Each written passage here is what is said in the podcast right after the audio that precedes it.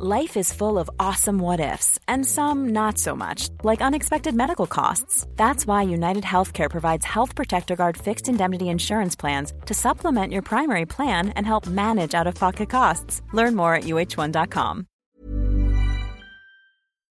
Ja må han leva, ja må han leva, ja må han leva ut i skämtar hundrade du med mig? Ja visst ska han leva, ja visst ska han leva, ja visst ska han leva ut i hundrade år.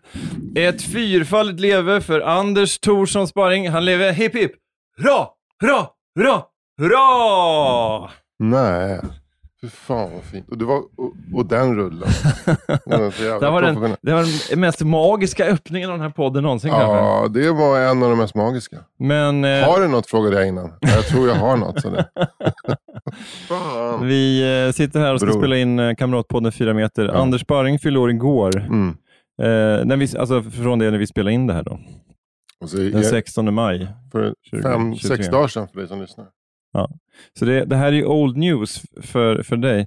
Men, eh, men du, eh, hur känns det? Var 54? Känns inget speciellt. Nej. Men, var, det- men du kanske har bearbetat det här liksom, liksom 50-grejen nu, liksom, det är ett par år sedan nu. Jag har bearbetat den i 20 år. 50-grejen. Eh, nej, men, eh, det är klart att det där med att... Det, jag, jag är ju jag är ju en egocentriker. Mm. Det ska jag säga. Ja. Inte egoist, men egocentriker. Men bra att du har en podd då. Mm, ja, det är därför jag har, det är därför jag har en podd. Mhm. Så att, eh, för mig är det alltså att jag ska, kan världen se att eh, eh, Sparring är 54 år nu. Mm. Herregud! Mm. Eh, jag, jag är som... Jag har, en, jag har en otroligt vag och dålig liknelse eller bild och det är att Roger Pontare är större än livet själv. Så att när Roger Pontare är i New York, är i New York Mm. då är det inte en stor upplevelse för Roger Pontare. Då är det en stor upplevelse för New York. är du med? Ja.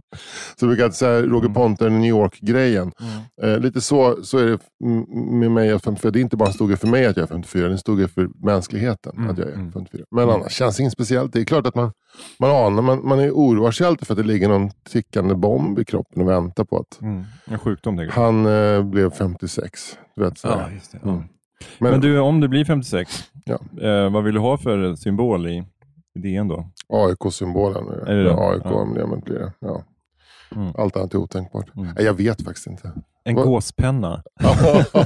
De är samma do, man har så här, riktigt dåliga, som, ens efterlevande dålig fingertoppskänsla. Så här. Mm. Man får en gåspenna och en eh, dikt av Alf Henriksson. Nej, ja, eh, vad heter den? Jolos död. Mm. Man får Jolos död. Jag tänker att det är någon sån här gammal dikt av Per Lagerkvist och sånt där. Det är vackrast när det skymmer, all den kärlek himlen rymmer ligger samlad i ett dunkelt ljus över jorden, över markens hus. Aj, ljus, allt är ömhet, allt är smeknad. Du är så jävla uppe på hög nivå om du säger att det där är, är en dålig dikt i en dödsannons. Ja, okej, men, alltså, men, men så här, man kan väl säga Per Lagerkvist är ju, han är ju ändå bra. Ja.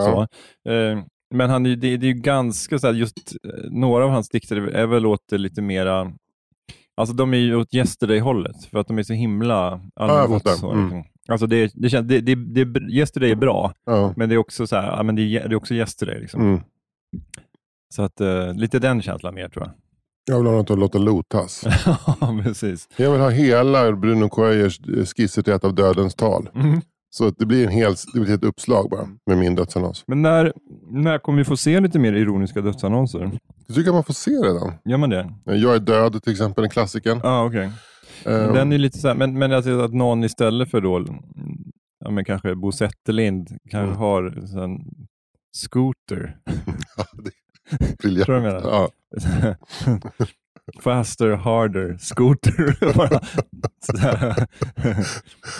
Dr Bombay. mm, mm, Mm, Men, eh, men eh, vad, vad, vad svårt det var att tänka vad är en ironisk dödsannons. mm. Därför att det är ju liksom det är ju också ett uttryck för, det kan ju vara, det kan ju vara någon som var stod scooter väldigt nära. Mm. Och då blir det ju inte en ironisk dödsannons. Men då kanske det lite grann handlar om att man ska ha en förförståelse för den som har dött. Men till exempel om man har en aubergine-emoji längst upp. Mm. det, är, det är svårt att fatta som att den är ironisk, tänker jag. Men överhuvudtaget emojis borde ju Mm. komma. Eller hur?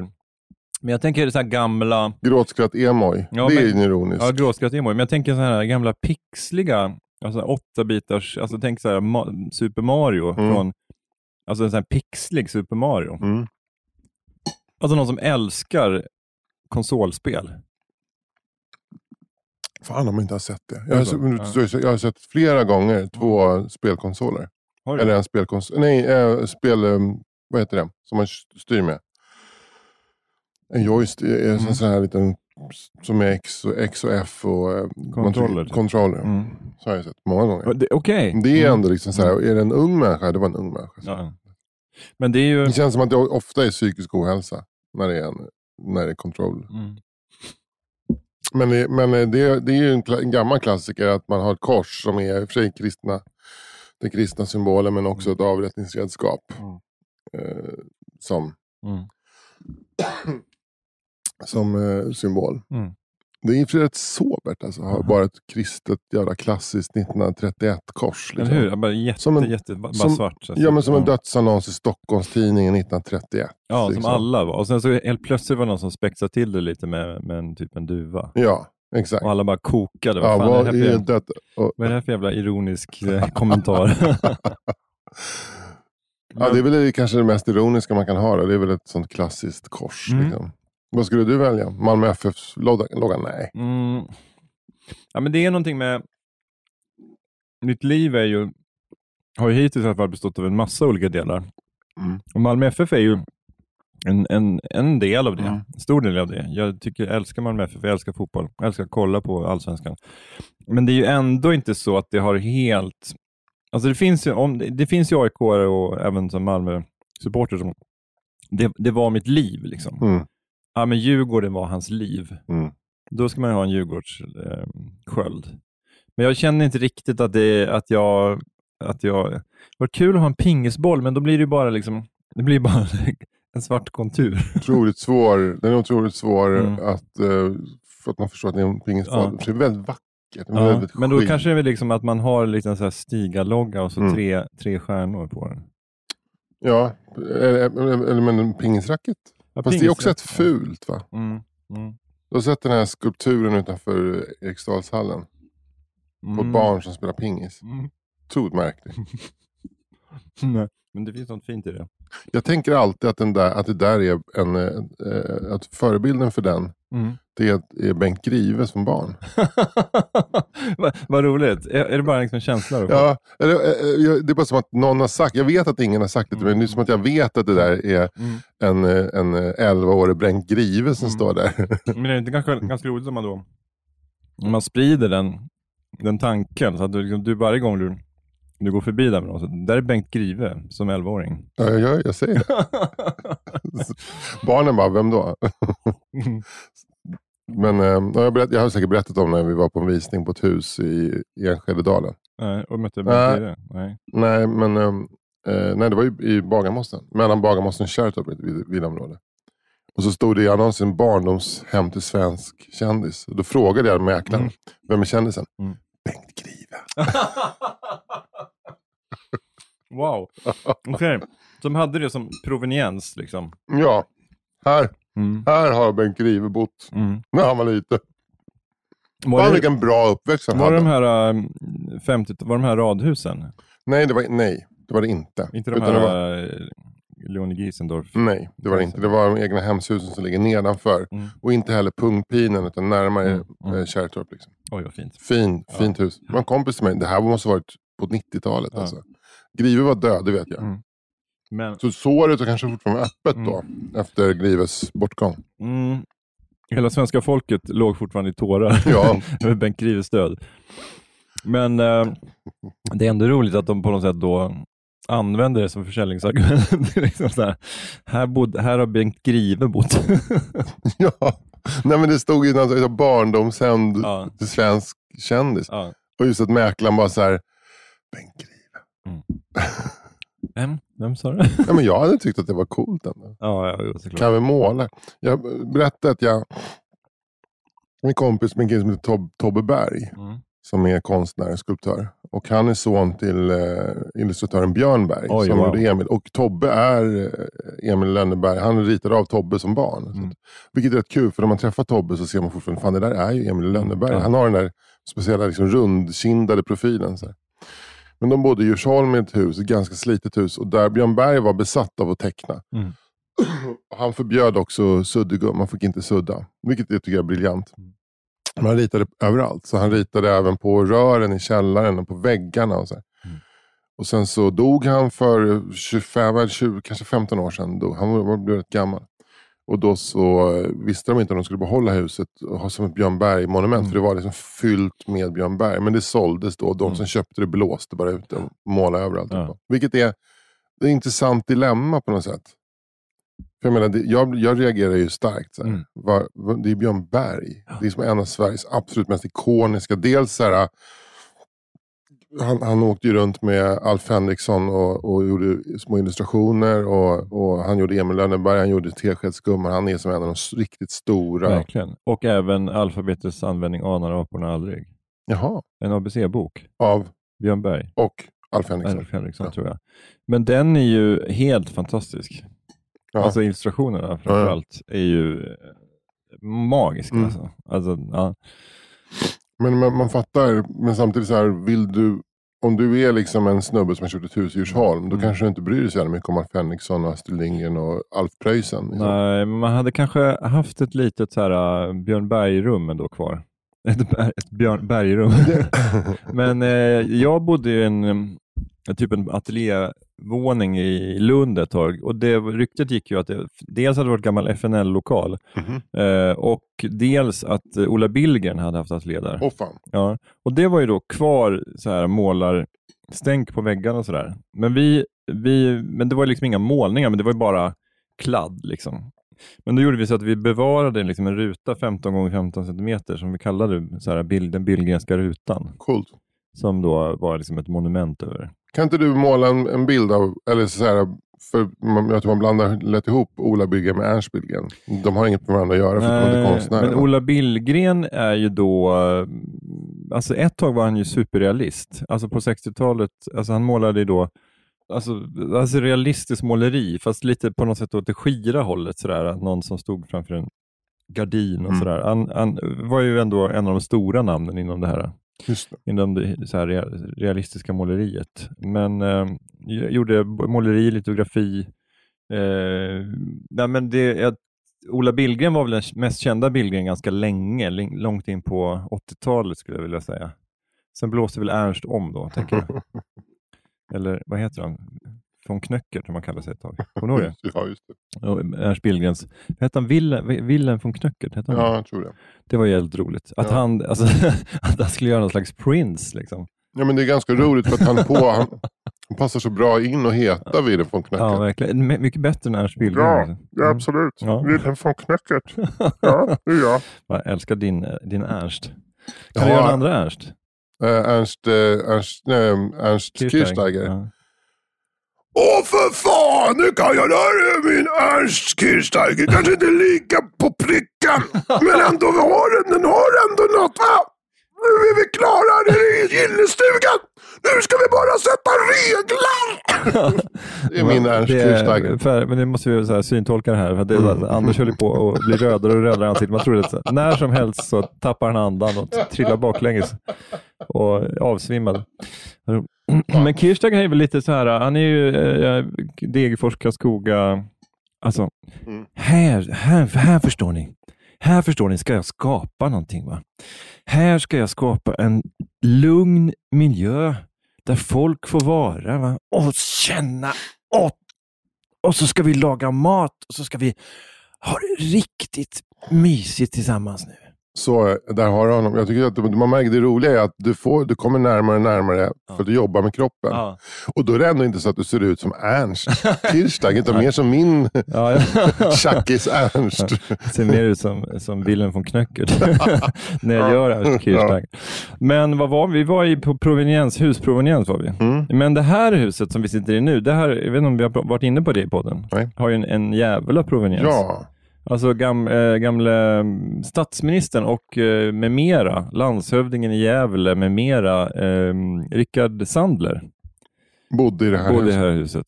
Ja, det är Eh, rätt fett. Ja, och eh, han, Rickard Sandler var ju sosse då. Han var ju intellektuell sosse. Han var ju samtida-ish med, med Per Albin och var statsminister under en kort period. Sen har han, satt han också som utrikesminister tror jag och eh, blev sedermera landshövding i Gävle. Men på ålderns höst, då, när de här husen byggdes vid 1950, då kom han flyttade tillbaka med sin Maja. Då. Och de tror jag också, även Rickard och Maja, de var några av grundarna till ABF, Arbetarnas bildningsförbund. Så de har ju verkligen en plats i den svenska arbetarrörelsen. Men då flyttade de in här i det här radhuset som då gick under benämningen eh, Tryffelsvinalängan.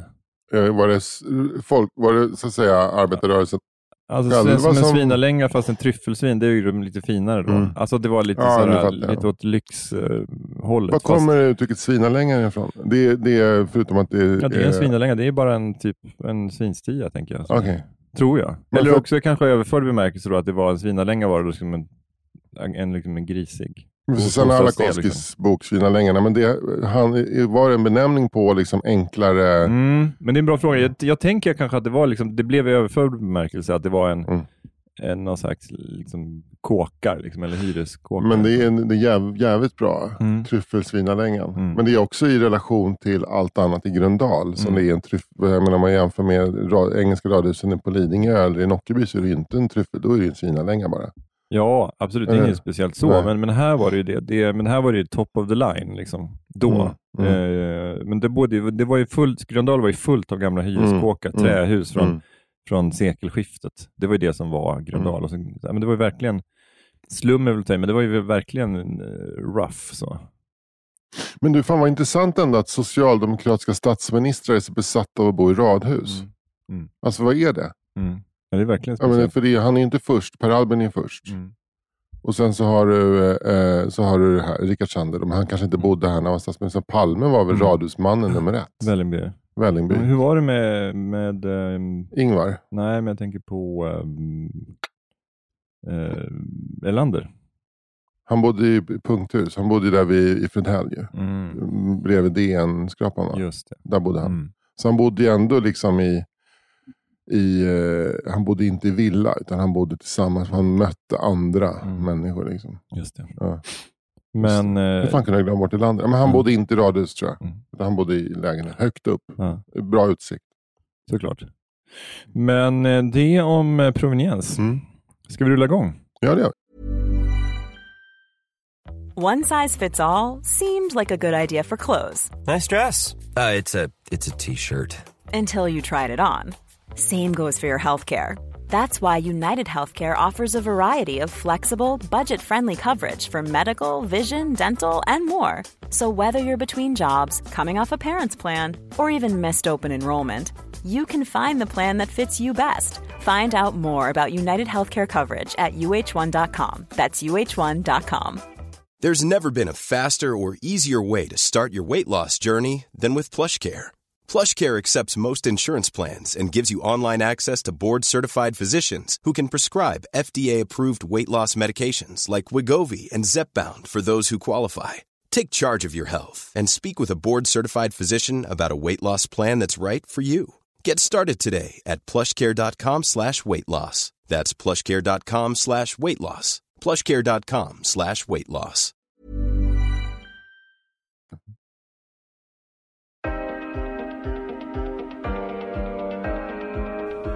Inte så många gator i varje stad som lyser om natten. Det är inte så många gator i stad som lyser om natten. Det är inte så många gator i varje stad som lyser om natten. Men en kicker som du kan väl bygga en annan väg om du får en linjalteckning av mig.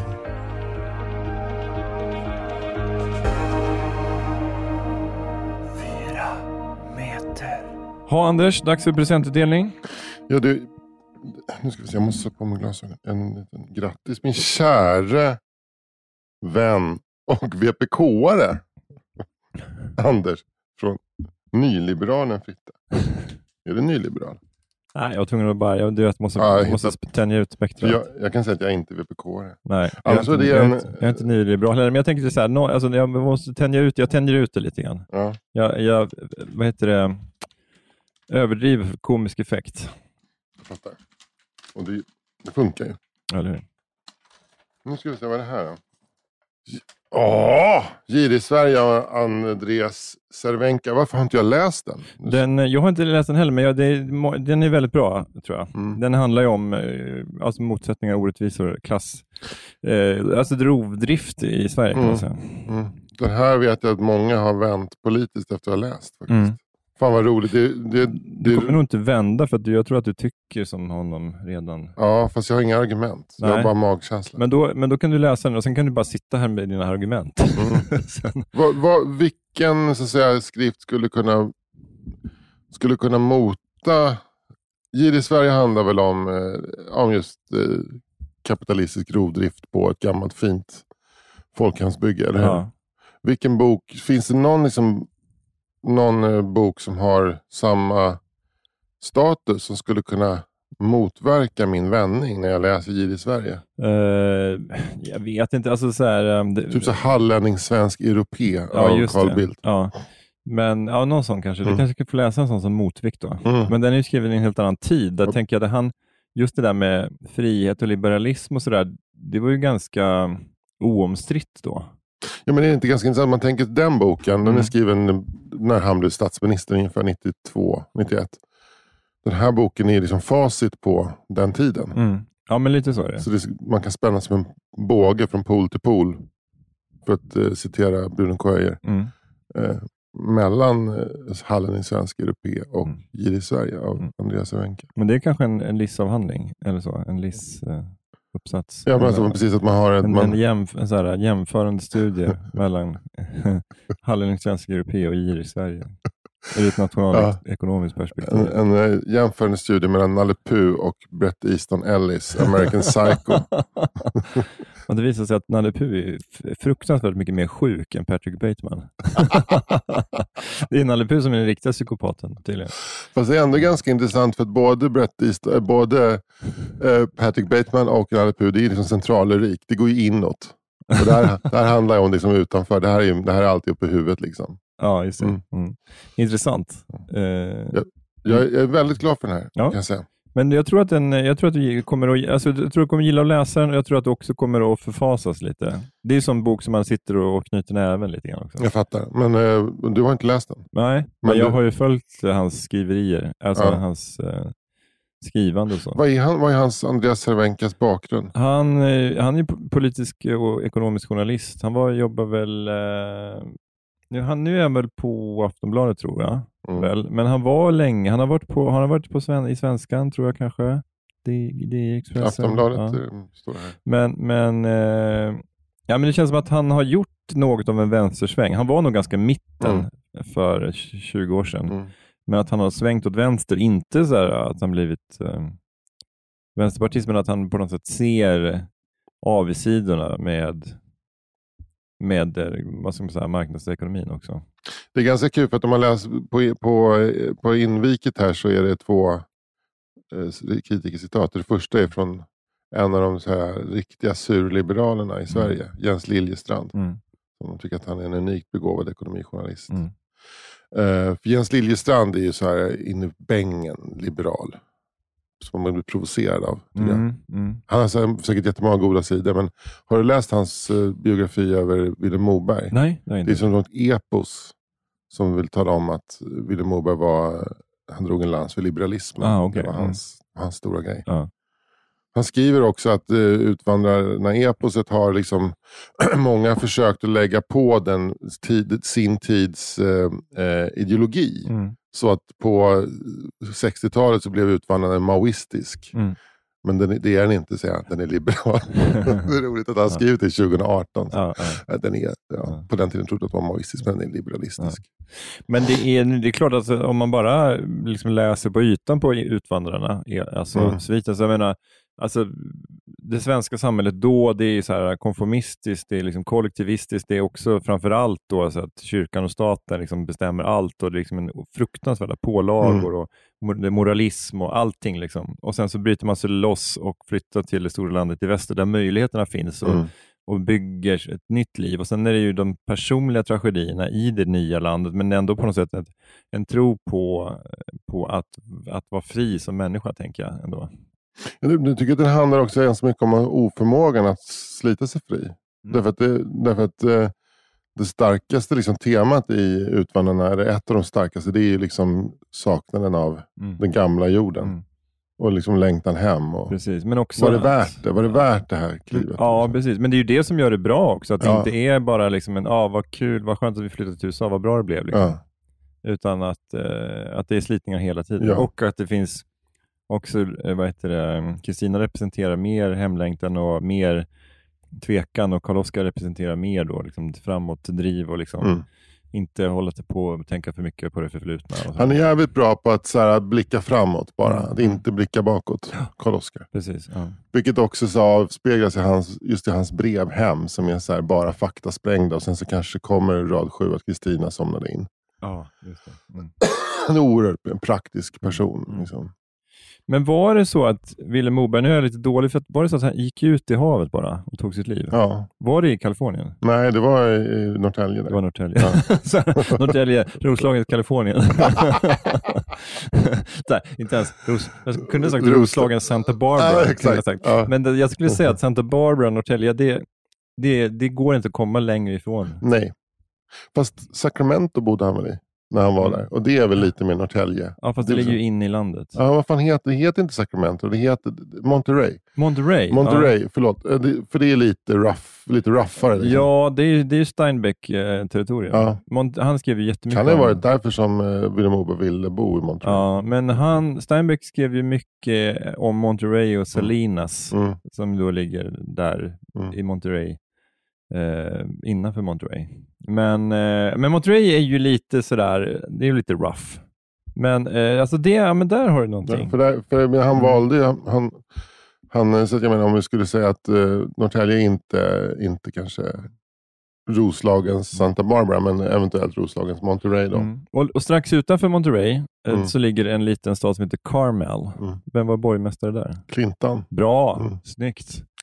Bra, då har vi eh, haft en liten eh, Vilket frågesport om... var han republikan eller demokrat? Eh, han måste väl varit republikan, tänker jag. Alltså nu är han ju superrepublikan känns det som. Ja, jag har dålig koll på Ja. det. Men då är jag, Men det finns ju också, men det, är väl- det är väl så med, med Arnold också, att han alltid har varit republikan, eller hur? Fast han har varit ett, liksom ett, en republikan med mänskligt ansikte. Undrar om det är omöjligt för en sån som Arnold att vara något annat än republikan. Eh, ja, men det är på något sätt hela, liksom, allting han kommer ifrån är ju så här, uh, andas ju. Andas Men ju. Men Clint Eastwood känns svårare för han, så, han gör så mycket så här mänskliga porträtt. Jo, Han är så mjuk. Han är så, han, han, hans senare filmer vill gärna lyfta fram mjuka värden. Ja, jo, det är sant. Det är sant. Så, men, då, men han känns ju superrepublikan, alltså Ja. hur han har uttalat sig på, sin, Ja. på sistone. Men det om Willem Moberg, vilka har vi mer som har drängt sig. Som har dränkt sig av, av eh, svenska Det är författare. inte så många. Alltså Dagerman var väl i garaget, va? Var det inte det? Eller? Dagerman var i garaget. Eh, Boje var väl tabletter va? Mm. Och eh, ja, bara så här, hon satte sig väl på en, vid en sten, va? Mm. Utanför Alingsås, var det inte det? Jo, men vad var själva... Det, var inte det hon dog av. Tabletter. Att hon Nej, satt det, här, hon var- nej, det var, det hon dog av att hon satte sig, lutade sig mot en sten. Och sen satt hon bara där och dog. Det var ju Bojes självmord. Ja. Det var liksom lite så här hike. Att hon hade liksom förberett det väldigt noga. Hon hade rullat upp en sten Mm. på ett berg. Och då, då hade hon liksom, En sån kedjereaktion. exakt. Och sen så hade hon, nej, hon fått med, med, en, med såna här detaljer som fått upp den. För att liksom överföra kraft. Ja, Ja, skitintressant tyckte hon. Och sen så hade hon fixat en kil. ja, och ett litet snö, borrat fast en skruv i den. Ja. Borrat fast, så satt de bredvid stenen Och så hade hon ett snöre i kilen och så drog hon loss den och då rullade stenen ner över den och så dog hon. Ja. Men jag, jag tänker som den här helvetesmaskinen i seriealbumet Ville av Jan Löv. Mm. Har du läst det? Ja, jag vet inte. Nej. Men det är någon norrman där, en galen, eh, elak norrman, eh, som, är, som har gjort en sån här helvetesmaskin. Och så tänker jag att Jan Löv har ritat, det är som en stor träkonstruktion. med, Mm, mm. Alltså, Ville sitter där då, eh, superhungrig med bakbundna händer och så ser- ligger en grillad kyckling där. och sen så liksom, när han tar kycklingen så då kommer det vara en kedjereaktion, så här jätte, Mm. jättelång chans att han kommer få en klubba i huvudet. eh, men så, så lyckas han, och nu spoiler då, men Mm. lyckas han liksom grabba den här kycklingen och så liksom luta sig åt sidan så att äh, maskinen rasar ihop så att den ra- rasar över den här galna norrmannen. Men det är för att inte norrmannen har tänkt på att ja, jag vet inte, det blir, det blir något fel där. Norrmannen tänkte mer att, att han kommer vara så jävla inne på den här kycklingen så han Mm. tar den utan att tänka. Men Ja. Ville tänkte ett steg till och Ja, kollade runt. Precis, Eh, men eh, för, eh, för hela den här dråpliga historien så, så rekommenderar jag seriealbumet Ville, Ja. som är ju en one-off-serie. Här, Felix var ju hans stora tour de force. Mm.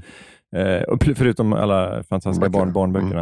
Eh, men Felix finns väl åtminstone ja, men typ fem, sex, sju album, beroende på om man räknar med olika äventyr. Jag har inte läst dem heller faktiskt. Ja, jättebra tycker jag. De är väldigt speciella, men jättebra. Eh, och, men Ville är då en, en följetong som gick i tidningen Vi på 70-talet. Och eh, Det roliga med den är ju att, att kungen och Palme är med. Mm. Jaha, det där. Ja, och kungen tyckte det var, det var mest en kul grej. Mm. Men Palme blev så här, lär har blivit så arg att han sa upp sin Vi-prenumeration. och Det roliga är att han är så här framställd som så här kolerisk och äh, ilsken i, eh, i serien. Men också att han, typ, de de är på någon båt och så här, kungen och Palme är liksom en hjältar. Ja. Kungen är så här superchill. Sitter och röker och så här, tjena killar. Så. Och Palme bara slår en gitarr i huvudet på någon. Och, så. och sen den här koleriska, sen så liksom, ah, jag är inte alls kolerisk, jag säger upp prenumerationen! Socialdemokratin har aldrig accepterat eh, den här historieskrivningen. Att jag skulle vara kolerisk. Men han, var han dålig på att ta kritik? Det var han. Ja, det, uppenbarligen. Var- Om man, liksom, om man inte ens kunde liksom ta kritik när han liksom framställdes i tecknad form. Det var liksom inte kritik mot hans politiska gärning, utan det var liksom en, en, en äventyrsberättelse där han, där han ingick. Men, eh, ja, men det om Ville. Men eh, den finns ju som album också. Läs den. Den är ju eh, jävla spacad och eh, superbra tycker jag. Ja. Den är, eh, jag skulle säga att det är en, eh, om man ska plocka ut några seriealbum i svenska seriehistorien Mm. så tycker jag Ville är, är där. Åh fan. Ja. Ja. Jag, jag är väldigt dålig på serier, ska jag säga. Mm. alltså tecknade serier. Men då kanske vi ska ha en liten serieskola. kanske kan ta hit eh, någon, kanske Kim W eller någon. Han är inte så bra på svenska serier kanske i och för sig, men han är mer så här, eh, orienterad mot det stora landet väster, Norge. Ja. roligt, alltid roligt. Men eh, apropå Norge, Mm. 17 maj idag. Mm. Mm, vad har du för relation till eh, Norge och norsk, norrmännen? Väldigt, väldigt lite relation. Mm. Eh, som barn så var jag såklart väldigt negativt inställd till Norge, som de var med i NATO. Ja. ja, Som, nu- nu som det- liten VPK-are tyckte jag att det var det. kanske inte så super. VPK-skt. Nu, nu, de, nu, då var det du som Mm. hette, men även nu är det de som skrattar åt våra Jag har jobbat lite i Norge. försök. Fan, jag, jag, det tycker jag så här, nu sitter vi i en källare här. Mm. Som är så perfekt ventilerad, det luktar inte mögel, det är liksom, det är omständigheterna för mänskligt liv är perfekta. Men de gånger jag varit innanför dörrar i ett hus i Norge, oavsett om det är källarvåningen eller tredje våningen, så luktar det mögel. Oj, Det är så taskig kvalitet ja. på, på inomhusmiljöerna i Det Norge. är ofta en grej som man inte pratar om så mycket när det gäller Norge. Nej, man de- pratar om att de är duktiga på, på längdskidor, Mm. att de har olja, De går på tur. de går på tur och att de är nationalister, men Mm. inte om deras dåliga Men inomhusklimat. det kan vara därför som de går på tur, för de har så dåligt inomhusklimat. De måste ut och lufta. Mm, eller hur? Ja. Sen så kommer jag ihåg att vi jobbade på ett ställe som heter Kvisten Animation i Oslo. Inte kristen animation. Nej, nej Kvisten. Och Kvisten betyder just uh, källaren tror jag. Okej. Eh, och eh, det stank ju mögel i hela huset. Ja, de hade en patricievilla i, i Norge. Ja. I, i, i, i, Norge. Men då har de, var det någon som berättade för dem att de kunde öppna ett fönster? Nej, Nej. var inte. Och eh, det var liksom det drevs av Oslos Jonas Åkerblom, heter han? Åkerlund. Åkerlund. Ja. Ja.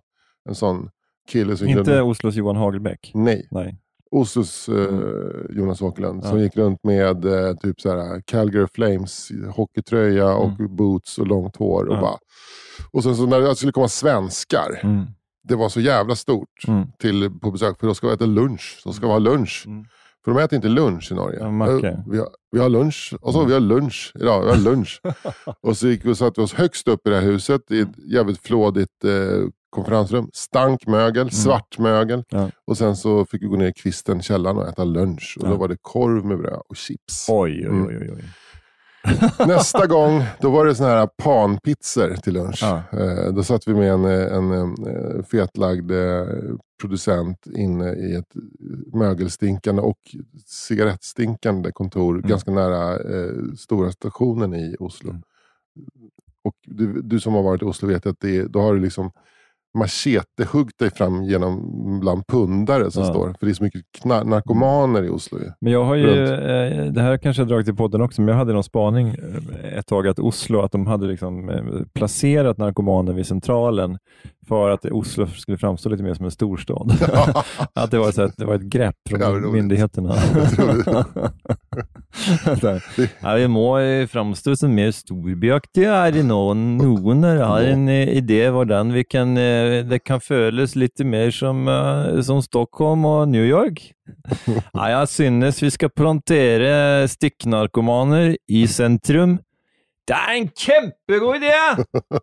Vidar, det er, eh, det er en race, en lunderace, eh, i, eh, i gang. Neste måned så blir det så, så kommer vi bjude på lunsj. Din lønn, det blir lønn og lunsj. Det är roligt. Men det är en jävla kon- kontrast när man kommer med tåget in mot Oslo. Det är en fjord. Bla bla. Mm. Sen så kliver man rakt ut på Bahnhof Zoo. Ja. Jävlar vad det är. Ja. Vilket knarkträsk. Ja. Vi, vi barn på Oslo S, Ja. eller hur? Hörde du förresten om igår så pratade de om, om eh, narkotikans utbredning i Gävle.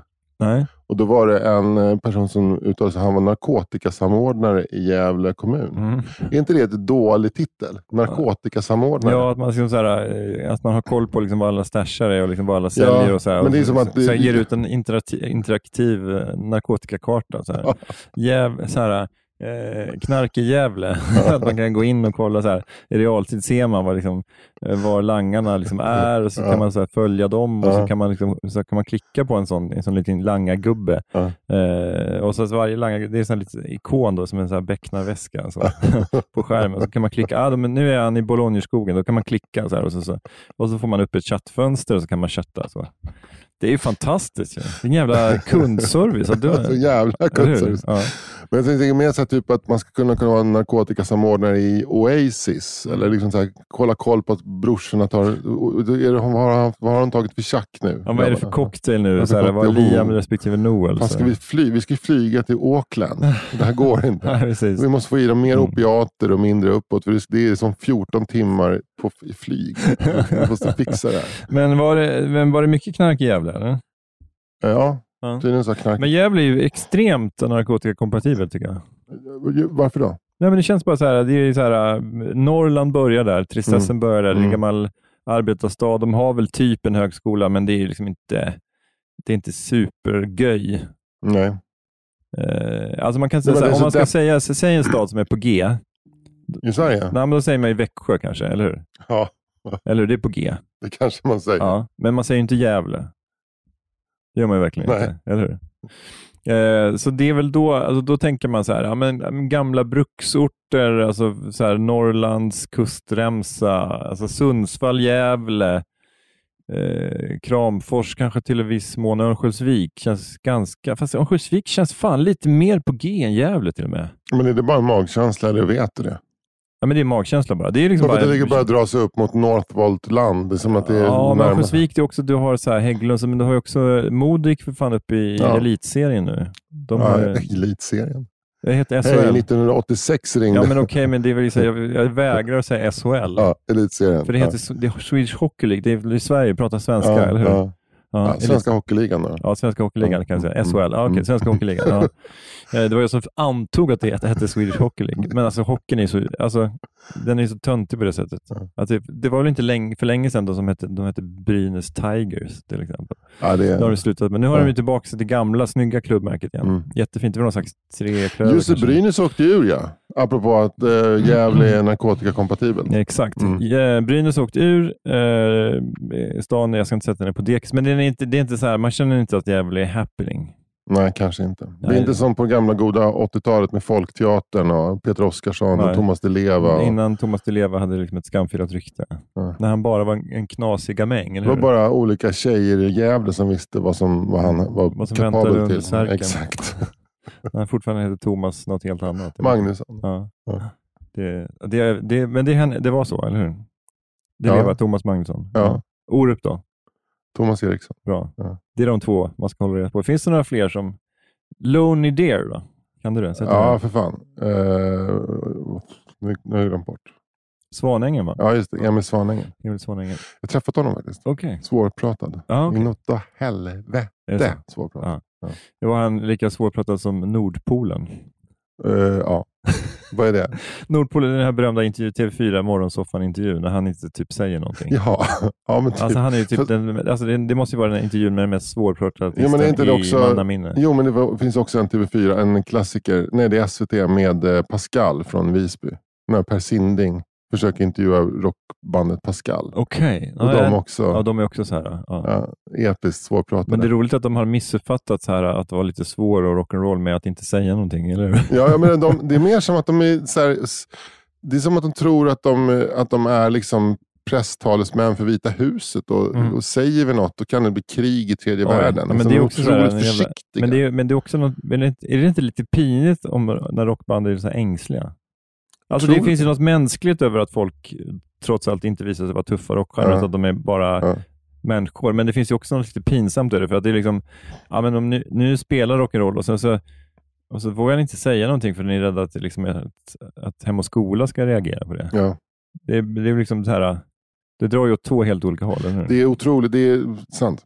Mm. Det finns också en annan, det finns en Staffan Doppe, nej, Ul, kom ihåg Ul och Masing eh, på, på eh, Radio Stockholm. Nej. Ul och Masing. Nej. Nej, klassisk eh, radiojournalist. Han skulle intervjua Imperiet. Ja. Det var också ett möte mellan två temperament som inte riktigt Mm. lirade. Det blev inte mycket. Och då var det ändå så här, okej, klockan 13 idag så är Imperiet på P4. Då, då gick man ju hem från skolan och Ja. rattade in. Men, men var det så här, var det givet att det var Ul och Masing som skulle få den? Ja, men det var ju han som satt då. Det var han som ju satt, det var hans liksom. slott. Ja, Ulo, nej, fan, Ulo var ju en av de hetaste. Det var Ulo Mm. och Staffan Dopping var de liksom, ja. Riktigt tunga namnen där. Men vi, vi eftersom, jag är, eftersom jag är uppväxt i Knivsta så Mm. var ju, vi lyssnade nog mer på, om vi lyssnade på, så var det ju P4 Uppland. Okej, Radio så Gösta. Knutsson som satt. Ja, precis. Nej, det var faktiskt Ulf Peter Olrog som satt där. Och sen så, så tog... så det är eh, så här, när, medan de intervjuar Krille Falk och eh, Jocke Thåström i Stockholm, då sitter de och har Gösta Knutsson och Ulf Peder Olrog. Mm, men så de ska väl släppa in Ove Thörnqvist? Eller kan det bli lite... eh, Men med- är det lite för modernt? Blir det lite för modernt? ja. Eh, nej, vi släpper in uh, Gluntarna, vad heter han? Gunnar, Gunnar Wennerbergs dödsbo slänger vi in. Fan alltså Uppsala är en i Sveriges fjärde största stad. Mm. Det finns ju det är få städer som har så få coola. Det är typ så här Ove Thörnqvist och Veronica Maggio. Ja, labyrint. Det säger mig ingenting. Ja. Är det någon hiphop? Ja, det är typ så här Hovet eller? Ja. Mm. Du glömmer Webstrarna. Eh, och eh, Daniel Reichberg Steel Breeze. också. ja, Känns som ett gammalt avsnitt av den här podden. Jaha, som vad, pratar, vad sa vi då? Ja, jag, jag pratar om en gammal, eh, bekant är väl ett starkt ord, men en gammal så här, kille som var lika gammal ungefär som jag, som hette Daniel Reichberg, som Mm. var en sån här lite it-kille. Han var, han, I gymnasiet han var liksom cool, och han, han spelade musik, hade olika band. Han var en sån här, eh, inte role model, men han var väl en sån person som var lite liksom above på något sätt. Och sen, eh, och sen typ 20 år senare så, så ser jag honom som konduktör på SJ-tågen mellan Uppsala och Stockholm. Och Det är liksom inget, verkligen inget fel med att vara konduktör, men det är på något sätt de som man verkligen du vet, såg upp till då och, så, och, och hur de landade. Och, han har säkert ett jättebra liv, så, men, men just den här äh, kontrasten mellan det här, liksom, nästan, idoldyrkan är väl ett starkt ord, men man tycker liksom ouppnåbarheten hos vissa i gymnasiet som hade liksom knäckt koden och fattat, Mm, mm. liksom klädde sig rätt eller liksom, eh, var med i ett rockband eller sjöng jazz, eller det kunde vara vad som helst. Eller, ja, men höll på med någonting som var liksom så här, next level. Men han kanske var utbränd efter gymnasiet. Ja, men det är mycket möjligt. Men, men, eh, så, så, så, men jag, jag minns att jag tror jag tog upp det Just i något jättegammalt Var det avsnitt. inte då jag tog upp också Staffan Lindberg i Fruingsplugget och sa att jag tror att han hade gått samma öde till mötes? Mm, kan ha varit så. Och sen ja. googlade, då var han liksom professor på, Uppsala, eller på Göteborgs universitet. För jävla Ja. mäktig story alltså. Du, apropå eh, gå öde till mötes. Vi Mm. Ja. ska ju då eh, möta våren ute i verkligheten, i, i Mm. regnet här. eh, I verkligheten. Eh, och inte mycket att plugga från, från mitt håll. Ikväll spelar jag Spriten i Lund för kanske sista gången, men det, då... Det är nästan, det är nästan eh, ett slag i ansiktet på lyssnaren för det är för Ja, sent. att säga det, precis. Men jag har ju också tjatat om det typ i flera års tid. Så. Ja, men eh, känns det vemodigt att lägga den åt sidan? Nej, det ska bli ganska skönt Ska du faktiskt. göra en ny soloföreställning nu? Ja, tankar har väckts. Eh, Ja. Jag ska göra någonting tematiskt tror jag. Kul. Men eh, mer om det. Ja. Tema våld i nära relationer. Ja, lite så. Spriten 2. Spriten, ilskan kanske. Ja. Eh, lättjan, fjättjan. Bögeriet, knullet. Mm. Ja, men det, Ja. finns, det finns av. har jag. Kärt barn har många Ja, namn. exakt. Jag har inte heller så mycket att plugga faktiskt. Jag eh, kommer att synas på eh, biblioteket i Sjöbo den eh, 15 juni. Mm. På eh, klockan eh, 13. Kom dit vet jag. Biblioteket i Sjöbo, klockan 13 den 15 juni. 15 juni. Mm. Mycket, mycket bra. Mm. Då kan, men då kan, om vi är så långt fram i tiden, Mm. då kan jag säga att eh, jag tror det, fredagen den 16 juni så kommer jag till Derome på ett ställe som heter Gården vid bron. Det finns på Instagram, Gården vid bron. Det är Jonas Strandbergs brorsa som driver det med sin fru. Eh, där blir det stand-up med mig, Jonas Strandberg. Eh, Gården vid bron den 16 juni och sen den 17 juni, då kommer jag till Vinbäcken som är en utescen som ligger mellan Kristianstad och Å, Åhus, Åhus i eh, Skåne. Tillsammans med Sanna Persson Halapi, eh, komiker, eh, känd från Hipp Hipp bland annat, där hon gjorde en rolig karaktär som heter Jolanta. Ja, henne. Och Hon har gjort massa barn-tv, men hon gör väldigt mycket roliga karaktärer. Vilket datum var detta? Det är den 17 Juni. juni. I? I uh, Vinbäcken, det heter ett litet uh, samhälle som heter Viby tror jag, mellan, utanför Kristianstad. Fan, vi kommer vara i Skåne samtidigt du och jag. För Var- jag, kom, jag åker hem den 17. Ja, vad roligt. Jag ska hänga hos några kompisar. Ja. Du, du, jag har faktiskt jag har en, en skarp eh, pluggning. Yes. Klockan 12 på bokaffären Bokskogen Mm. i Hökarängen på lördag den 27. Mm. Bokskogen, jag tror att ja, det här är Hökarängen. Jag tror att 90% av vår lyssnarbas bor i Hökarängen. Mm. Eller vår potentiella. Hökarängen är liksom det Skånegatan var 92. Mm. Eh, Bokskogen i Hökarängen, lördag den 27 maj klockan 12. Där framträdde jag Per Gustafsson iförd randig tröja och bovmask. Mm. Underbart. Ja. Det, det är en skarp pluggning. Mycket bra. Ja. Kom dit Mm. och så länge, ha det bra. Och vill du stödja den här podden så går du in på patreon.com snedstreck 4 meter och blir donator. Mm. Nej, Det är inget donationsregister här, utan det är liksom helt frivilligt. Man ger en dollar eller 10 kronor per avsnitt och så stöttar man våra kulturella verksamhet. Ja. Hej då! Hej då! Mom deserves the best, and there's no better place to shop for Mother's Day than Whole Foods Market. They're your destination for unbeatable savings, from premium gifts to show-stopping flowers and irresistible desserts. Start by saving 33% with Prime on all body care and candles. Then get a 15-stem bunch of tulips for just $9.99 each with Prime. Round out Mom's menu with festive rosé, irresistible berry chantilly cake, and more special treats. Come celebrate Mother's Day at Whole Foods Market. Planning for your next trip? Elevate your travel style with Quince. Quince has all the jet setting essentials you'll want for your next getaway, like European linen, premium luggage options, buttery soft Italian leather bags, and so much more. And is all priced at 50 to 80% less than similar brands. Plus, Quince only works with factories that use safe and ethical manufacturing practices. Pack your bags with high-quality essentials you'll be wearing for vacations to come with Quince. Go to quince.com slash pack for free shipping and 365-day returns.